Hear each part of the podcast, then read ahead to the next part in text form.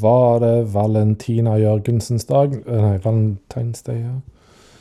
Har eh, ca. nettopp vært på eh, øyens koselige hotell sammen med lykkelig utvalgt, eh, utvalgte i flertall. De har jo eh, valentinstilbud på hotellet. En eh, treretters middag for eh, 600 per pers. Sykt nice mat. Eh, så eh, er det jo sånn at du, du har en parmiddag, men det har jo ikke så mye å si hvem du er i par med. Så eh, vår, nyans, min, vår min, min, min nyansatte kollega, ikke fullt så ny nå, jeg tenkte ja, spør han, jeg. Det har lyst til å være daten. Nei, det, nei, nei, det var ikke det. Bare spurte er du med på middag. Og eh, ja da, sa han. Og så var selveste rektor og ei annen i kollegiet med. Og en trivelig forsamling. Tre av fire valgte entrecôte som eh, hauptrett. Jeg valgte ikke den korte, men lange til hovedrett. Ja, fisken lange. Og pervogodt. Å, fy faen. Forretten var noe kamsk... Noe. Det var kamskjell med en eller annen eh, s- det var Noe sausgreier. Et eller annet med kaffe. Kaffe! Oh, gjesp. Uh, og så uh, Hovedretten var da lange med en helt, heidundrende god saus, gode urter og deilige poteter til. Det er jo noe jeg spiser ca. én gang i året. Eh, og så var det en dessert med crème brulé. Mintkrem. Å, fy faen. Og sorbet. Eh, perfectly balanced. Ja, det er helt nydelig måltid, og meget godt lag, så det var trivelig.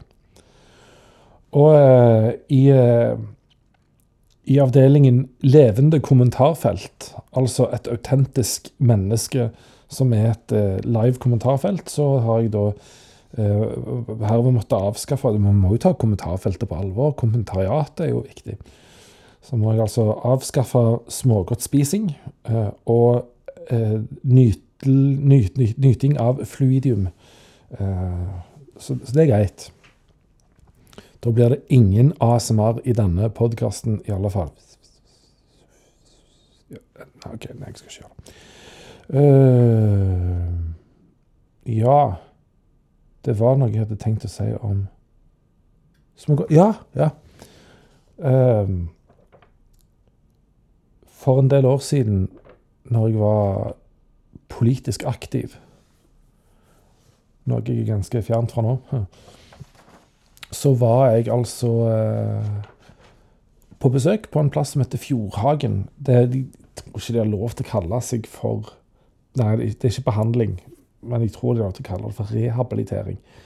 Eh, de jobber da med folk som har avhengighetssårbarhet.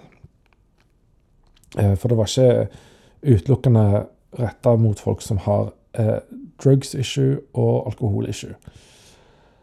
Bare alle som har trøblete forhold til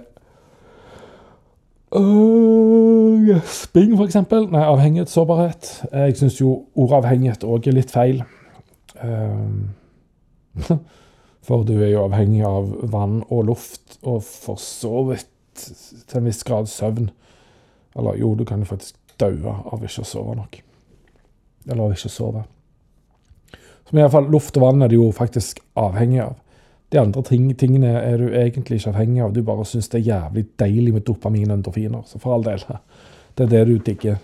Du, er, eh, du har russårbarhet. Og det har vi jo alle. Uh, hmm.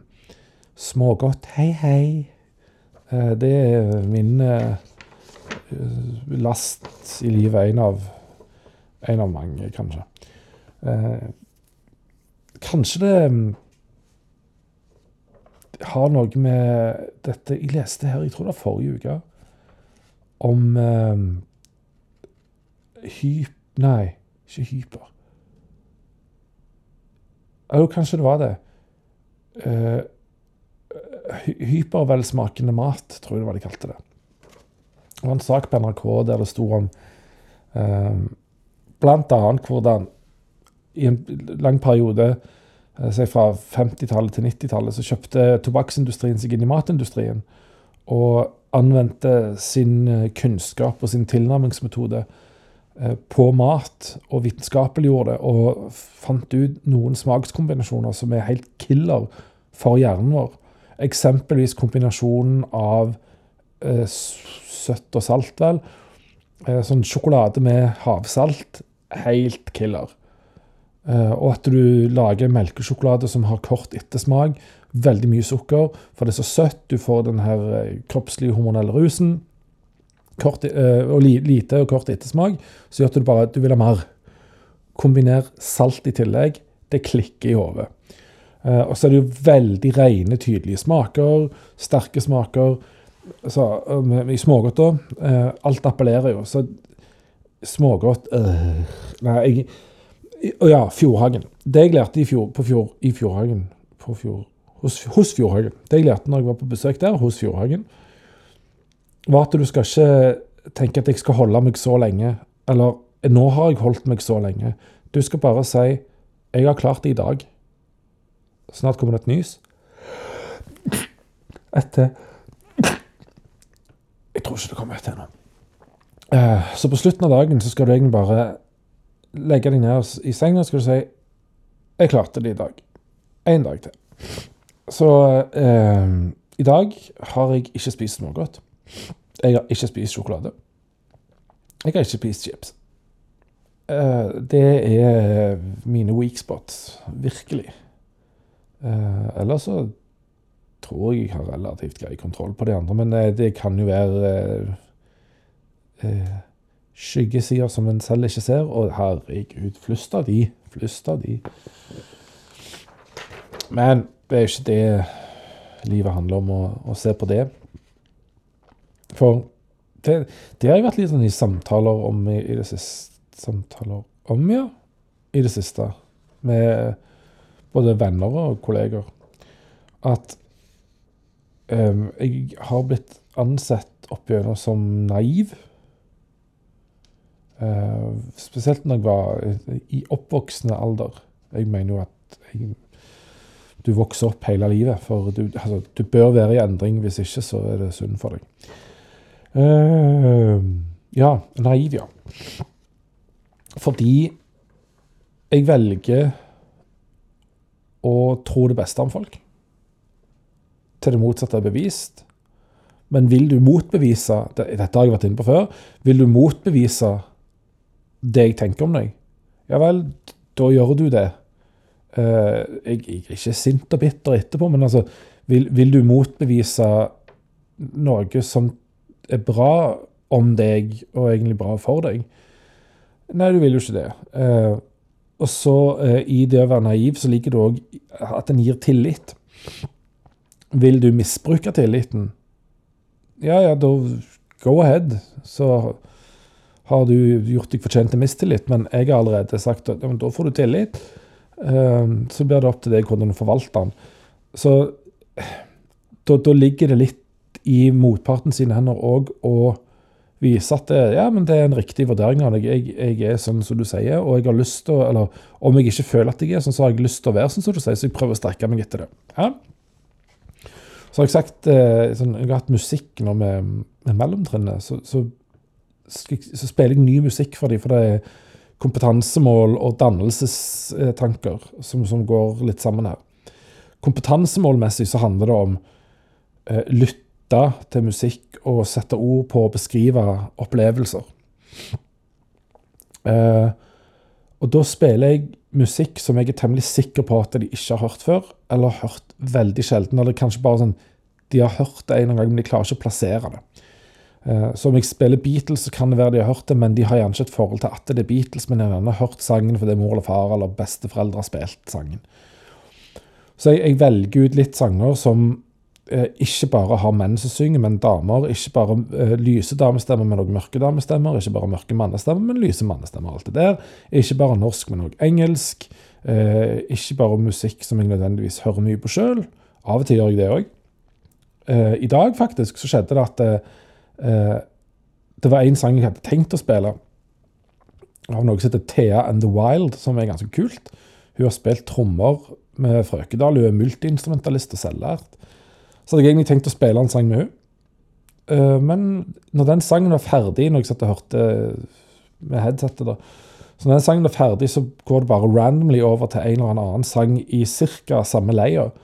Og da dukka det opp en sang av Fay Villhagen som heter New Again. Og var sånn, Denne skulle jeg spille. Så jeg hadde hørt den én gang før jeg da brukte den i klasserommet. Og da er egentlig det store oppdraget mitt og jeg skal forankre det i noe dannelsesrelatert. Fordi når, når, du hører en ny sang, så skal du ikke si hva du ikke liker med den. Du skal finne ut hva du liker. Og hvis du ikke etter første gjennomlytting, ikke gjennomhøring, men gjennomlytting, ikke finner noe du liker, så har du ikke lett godt nok. Du har ikke lytta godt nok, eller du har kanskje ikke lytta engang. Du skal finne noe. Men da må jeg sette opp noen parametere som de kan måle dette. Så eh, fire punkter hadde jeg.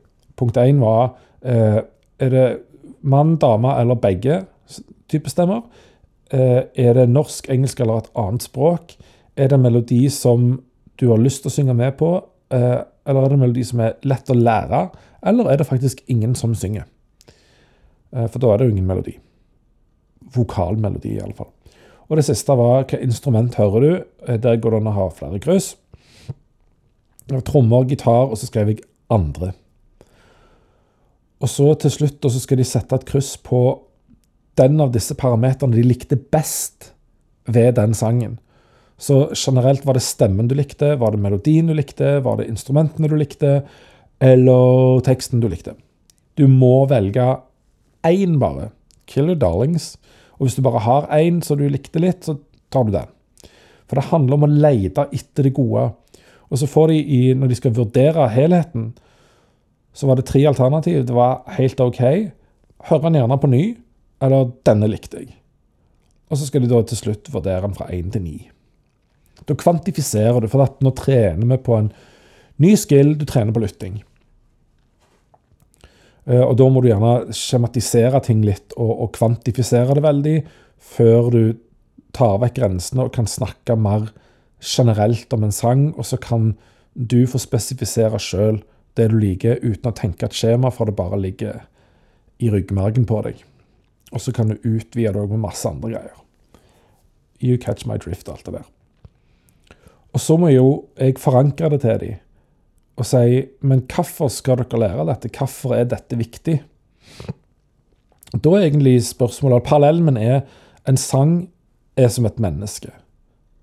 Uh, en venn og en sang er ganske mye det samme, egentlig.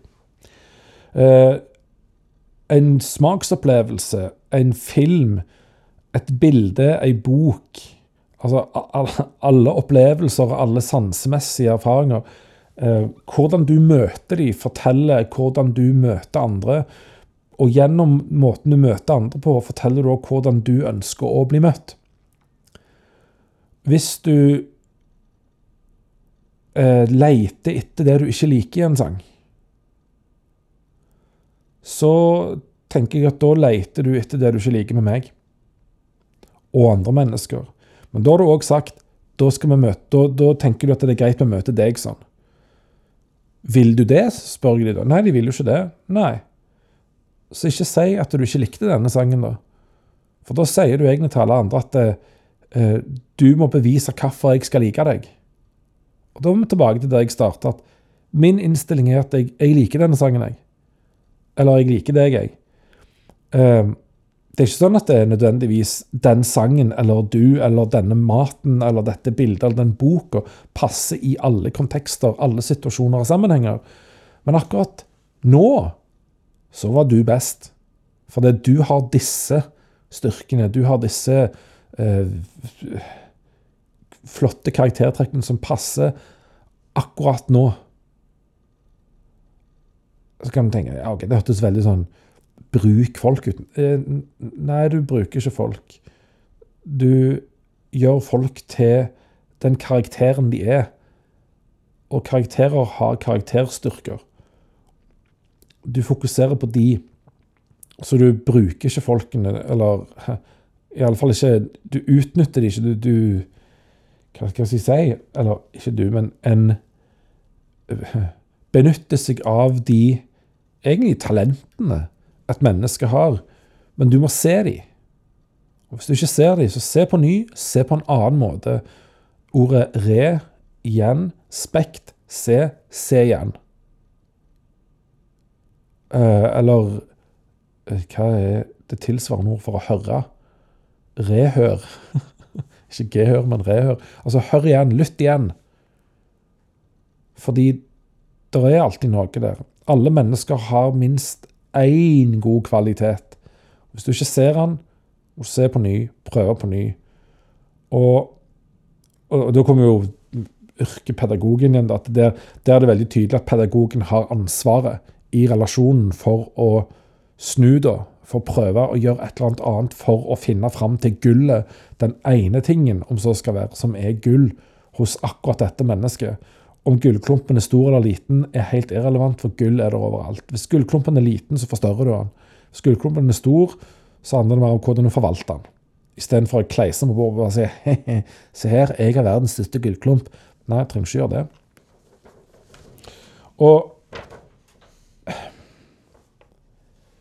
Nå er det noen uker siden dette dukker opp. Altså jeg skal prøve å spole hjernen min tilbake. For dette har litt med sak, dette, denne saken òg å gjøre. Fordi Hvem var det da det gjaldt? Det var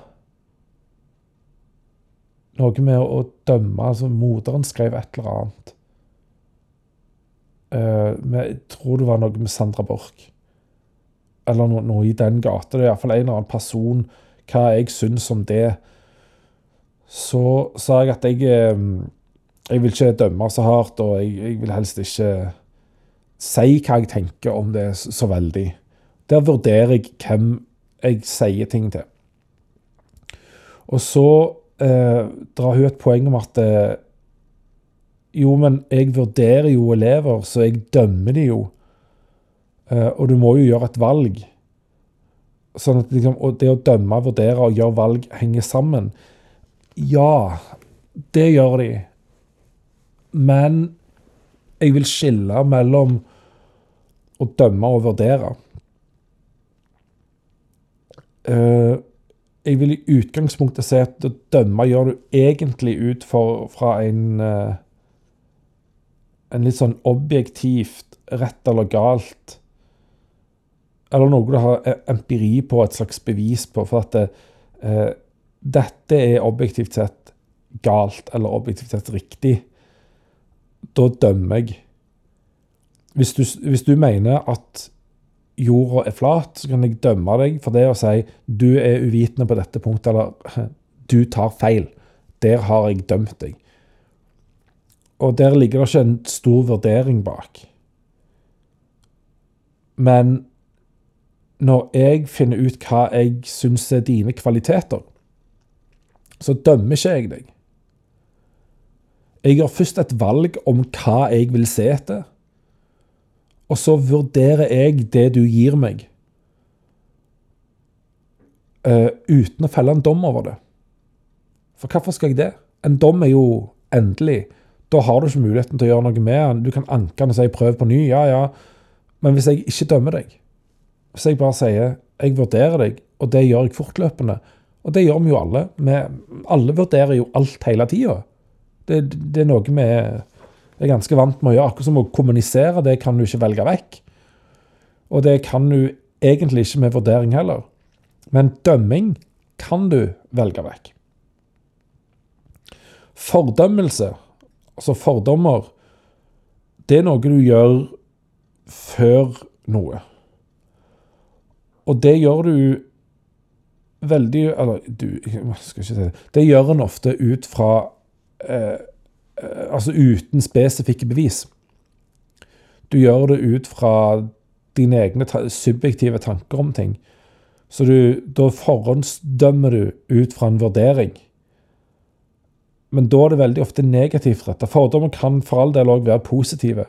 Som eh, Det er ikke fordi jeg har briller jeg sier dette, men empiri, forskning, har visstnok pekt i retning av at vi opplever folk som bruker briller, som mer intelligente.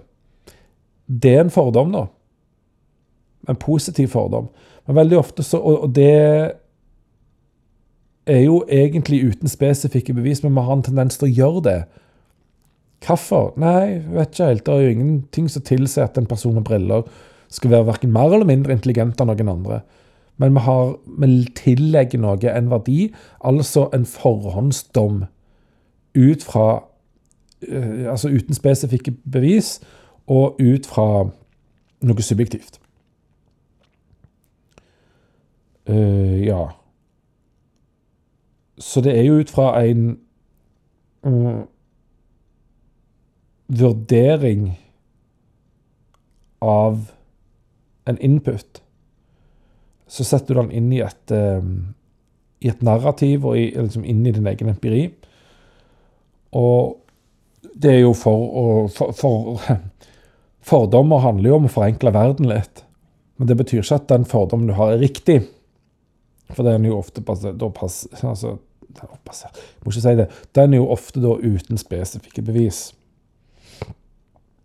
Eh, Så kan jeg relatere til en, eh, en situasjon på arbeid der det var eh, en person i løpet av arbeidsdagen, kan være elev eller ansatt, som sa eh, jeg spiser kjøtt for å bidra til å redde klimaet. Det er objektivt galt. Jeg dømmer ikke personen. Det kan jeg gjøre, men jeg gjør en revurdering av personen. For da tenker jeg hvor i alle helsikes dager har du det fra? Dette er jo objektivt galt. Det var vel et par år siden jeg hørte det var sagt som et bilde at hvis du tar 10 000 klimaforskere inn i et rom, så er det én av de som vil prøve på å benekte at mennesket ikke påvirker klimaendringene. Men samtidig så vil de finne feil i metodikken eller analysen eller et eller annet i det Analyse er vel kanskje metodikk, egentlig. Uh, Nei, OK, jeg hører hvem som vil reagere på det. Ok, Det kan være feil i metodikken, analysen, uh, datagrunnlaget, sant? all slags. Uh, hos den ene som sier nei, det er ikke menneskepåvirka. Så det betyr egentlig at minst 9999 av 10 000 forskere på feltet som ser på all empiri, all data vi har, utsetter det for vitenskapelig metode, er enige om at jo, mennesket påvirker det. Og at en av de tingene som kan nytte i en relativt solid grad, er å kutte ned mengden kjøtt du spiser. Ikke kutte ut, men kutta ned mengden kjøtt en spiser. Og da rødt kjøtt. For fisk òg er jo kjøtt, og kylling er jo òg kjøtt. og alt det der. Så det er objektivt galt. OK, men da, da gjør jeg en dom over utsagnet ditt, at det er galt. Men jeg kan fremdeles tenke bra om deg. Men hvis det gjentar seg, så kan det vise seg at du kanskje har en litt lemfeldig omgang med fakta. At du tilpasser fakta eh, for å rettferdiggjøre egne handlinger. Eh, og da har jeg gjort en vurdering litt over tid. Som jeg, altså, vi gjør jo hele tida vurderinger. Og så lander det på det vi gjerne kan kalle en dom, da. Jeg feller en dom over et karaktertrekk. Det gjør jo en ny vurdering på et annet felt. Kan jeg stole på deg når det gjelder andre ting? For, hvordan forholder du deg i, i større skala til sånn og sånn? Det skapte en vurdering, så en dom kan lede til en vurdering eller en revurdering. Um, og, og, så må en jo tåle at andre Altså, du må tåle andre sine valg og andre sine vurderinger. Og du må faktisk tåle andre sin dom òg, av dine standpunkt. Enten det nå er objektivt rett eller feil. Spesielt hvis det er objektivt feil, så må du tåle det. For på et eller annet nivå så kan det være du vet at det egentlig er mumbo jumbo, det du sier. Um, samtidig så da kan det rett og slett være at du ikke er klar over det, eller du ikke forstår et eller annet. Det er helt greit. Um, så er det galt å dømme noen, for det er ofte sånn Du, du dømmer meg. Uh, ja, det gjør jeg.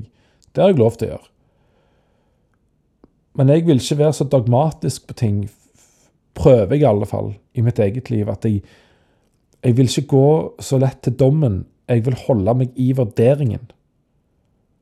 Så jeg, sånn som med Sandra Borch, tror jeg det var da, når vi sendte melding, så, så vurderer jeg det hun har gjort ut ifra ulike perspektiv, og så kan jeg si at jeg dømmer ikke hun for det, men jeg dømmer for dette men det gir en ny helhetsvurdering av hun, som er på et nytt grunnlag. Så jeg gjør et valg med å si at den dommen skal ikke være det eneste som forteller meg om hun, men på det feltet der, der, der, der det gir en ny vurdering, en ny måte å se hun på. Det leder jo kanskje inn på Kan du mene noe feil? Så hvis, hvis, du mener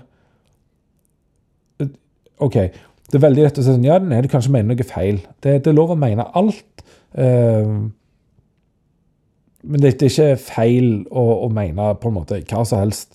Kan, det er lov å mene at nazismen er, er bra, og det, det, er lov å mene at Hitler hadde rett. Det er lov å mene at Behring Breivik hadde rett. Det er, liksom, det er ikke feil å mene det i seg sjøl som mening.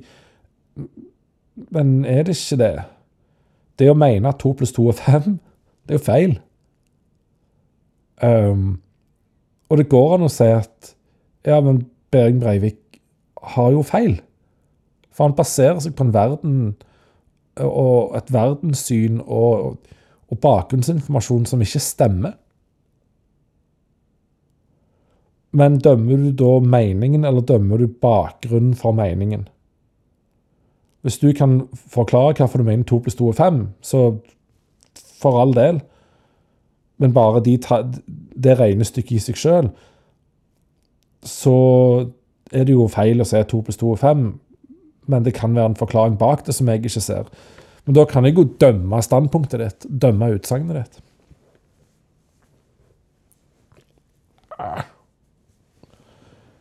Å ja, ja, det gjaldt Besseberg, kom jeg på nå. For at eh, Jeg husker at jeg tenkte Er det Kvantitativt er det forskjell på å motta én bestikkelse eller mange.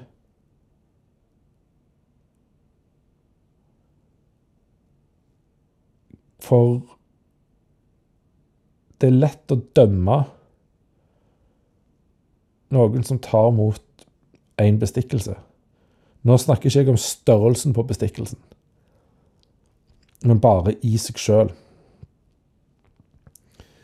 Og da vil jeg minne på at jeg har sagt dette med ja, Sandra Borch og den her 20% fuskegreia hennes.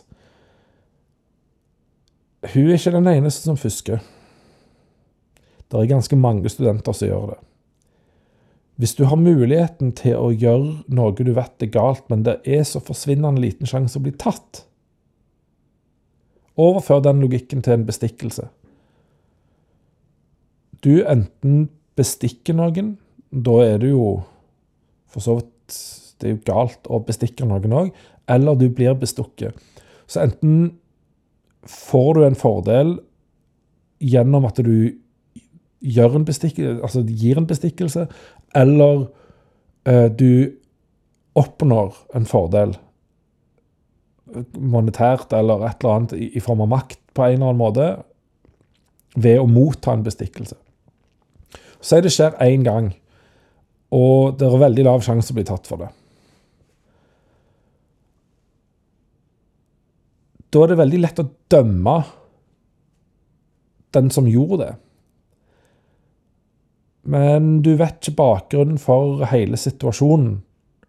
Og det kunne fort vært at du sjøl kunne tatt imot eller tilbudt en bestikkelse. OK, da kan vi gjøre en vurdering først. Og så kan en si Vi skal dømme deg først hvis vi ser at dette skjer igjen, men nå vet vi at du har gjort det, for du ble tatt. For enten å bestikke eller motta en bestikkelse. Så blir du da tatt. Hvis du gjør det igjen, når du har blitt tatt, og du vet det er galt Nå dømmer jeg deg etterpå. Det kan være at en straff for noen vil funke etter det første tilfellet, bare for å vise at nå fikk du smekk på lanke. Da, å, det var ubehagelig, da gjør ikke jeg det igjen. Da, jeg jeg forsto dette var galt og dumt. Eh, og de fleste lærer av det. Men hvis du gjør det igjen, da har du gjort et valg. Ja, du gjør et valg. Du gjør noen vurderinger, og det gjør vi òg. Og vi har gjort noen vurderinger. Og vi dømmer deg, for sånn kan vi ikke oppføre oss. Og dette er en samtale jeg har hatt noe, mange ganger de siste årene når det gjelder atferd. For det er jo noe vi skal vurdere i skolen. Eh, en liten moment, bare.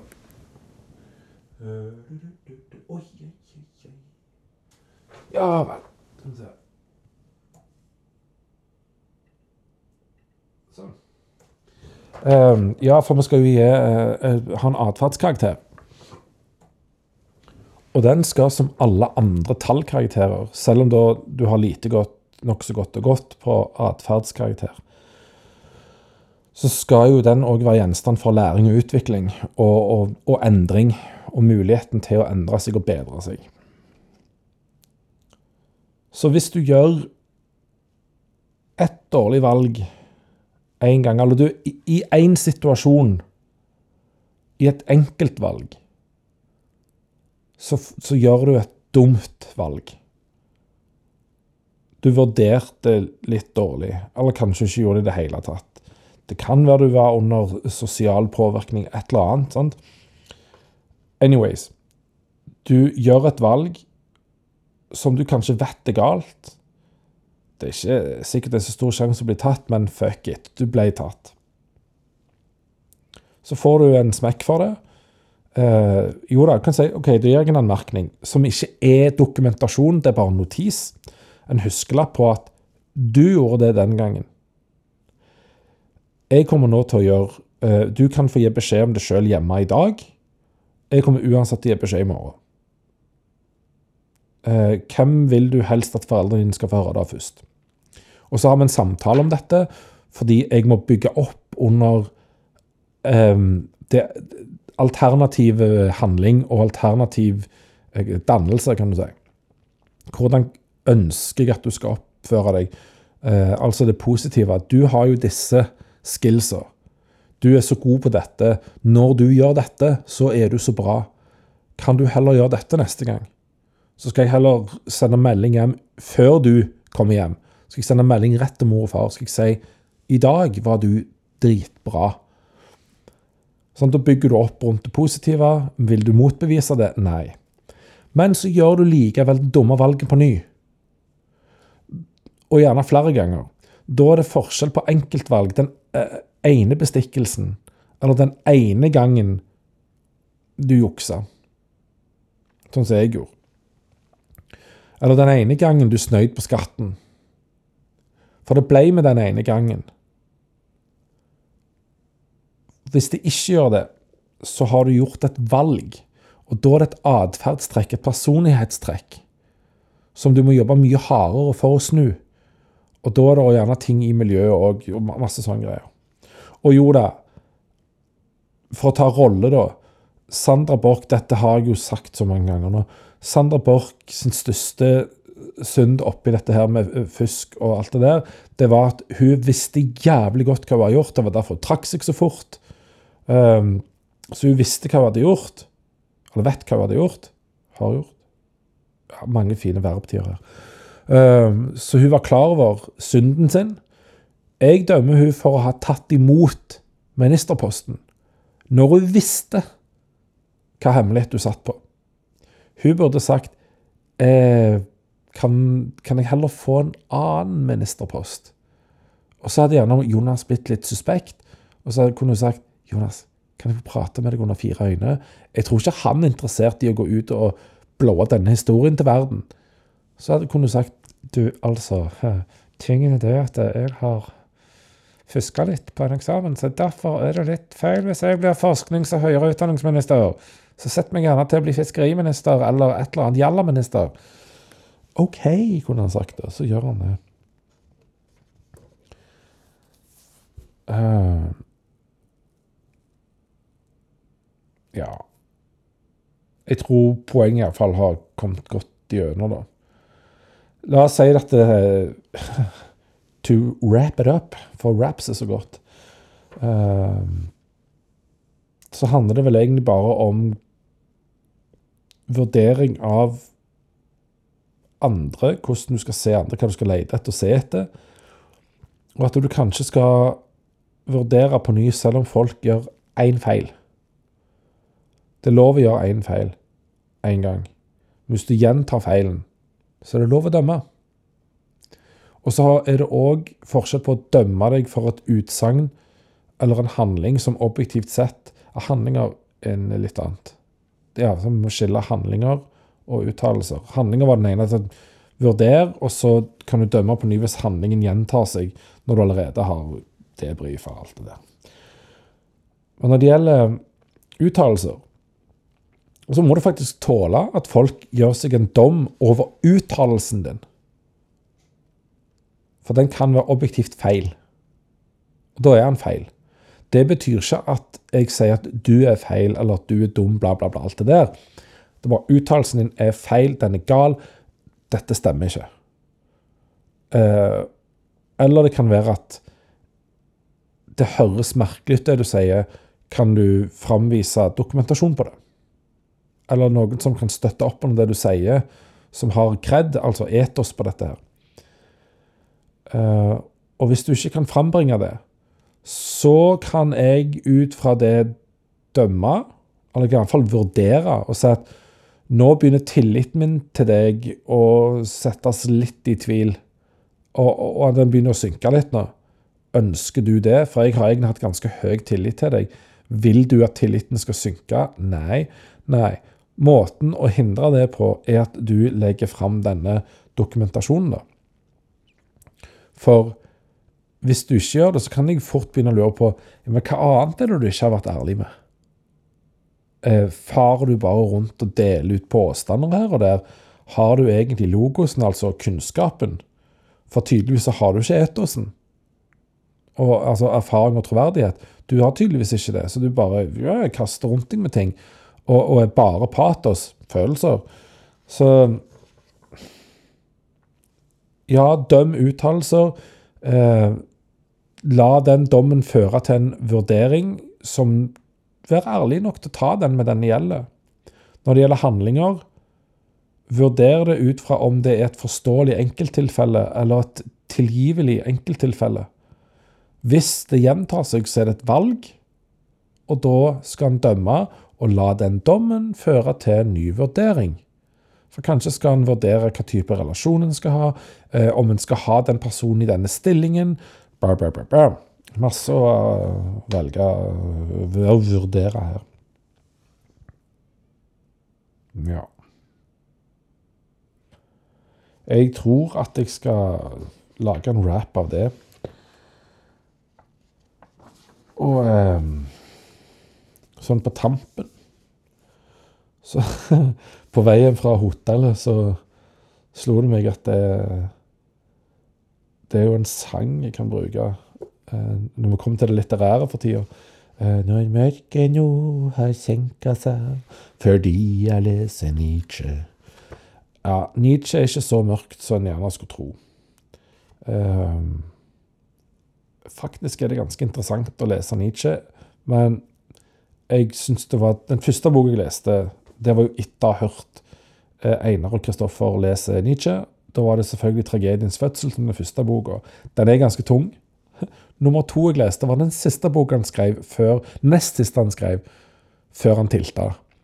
'Antikrist'. Interessant og litt kul bok, men ganske tung, selv om han er veldig kort. Han er ikke 100 sider engang. Uh, nå leser jeg den mest kjente, uh, 'Slik talte Zarathustra'. Interessant. Uh, kul bok. kul på en litt annen måte, en veldig annen måte enn de fleste andre bøker jeg har lest, men Nietzsche er veldig gøy.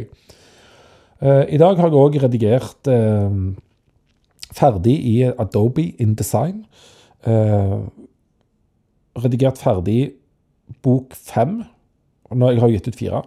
Bok fem er nå ferdig redigert. Eh, alt er klart på den. Og de neste dagene kommer jeg til å gjøre det samme med bok seks og syv. Så nå begynner ting å dra seg veldig til. Eh, blitt jævlig kult eh, cover på eh, bok seks, som skal hete 'Av mørke og ensomhet'. Det var lystig.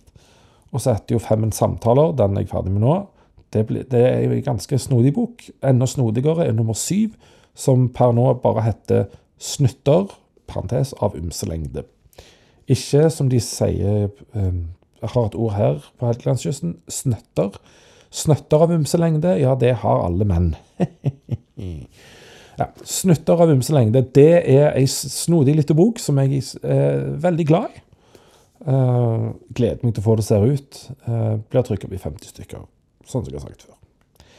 Det var vel, det, var vel det. Snart er det vinterferie. Tjodli bingeli bang, ha ei fin uke!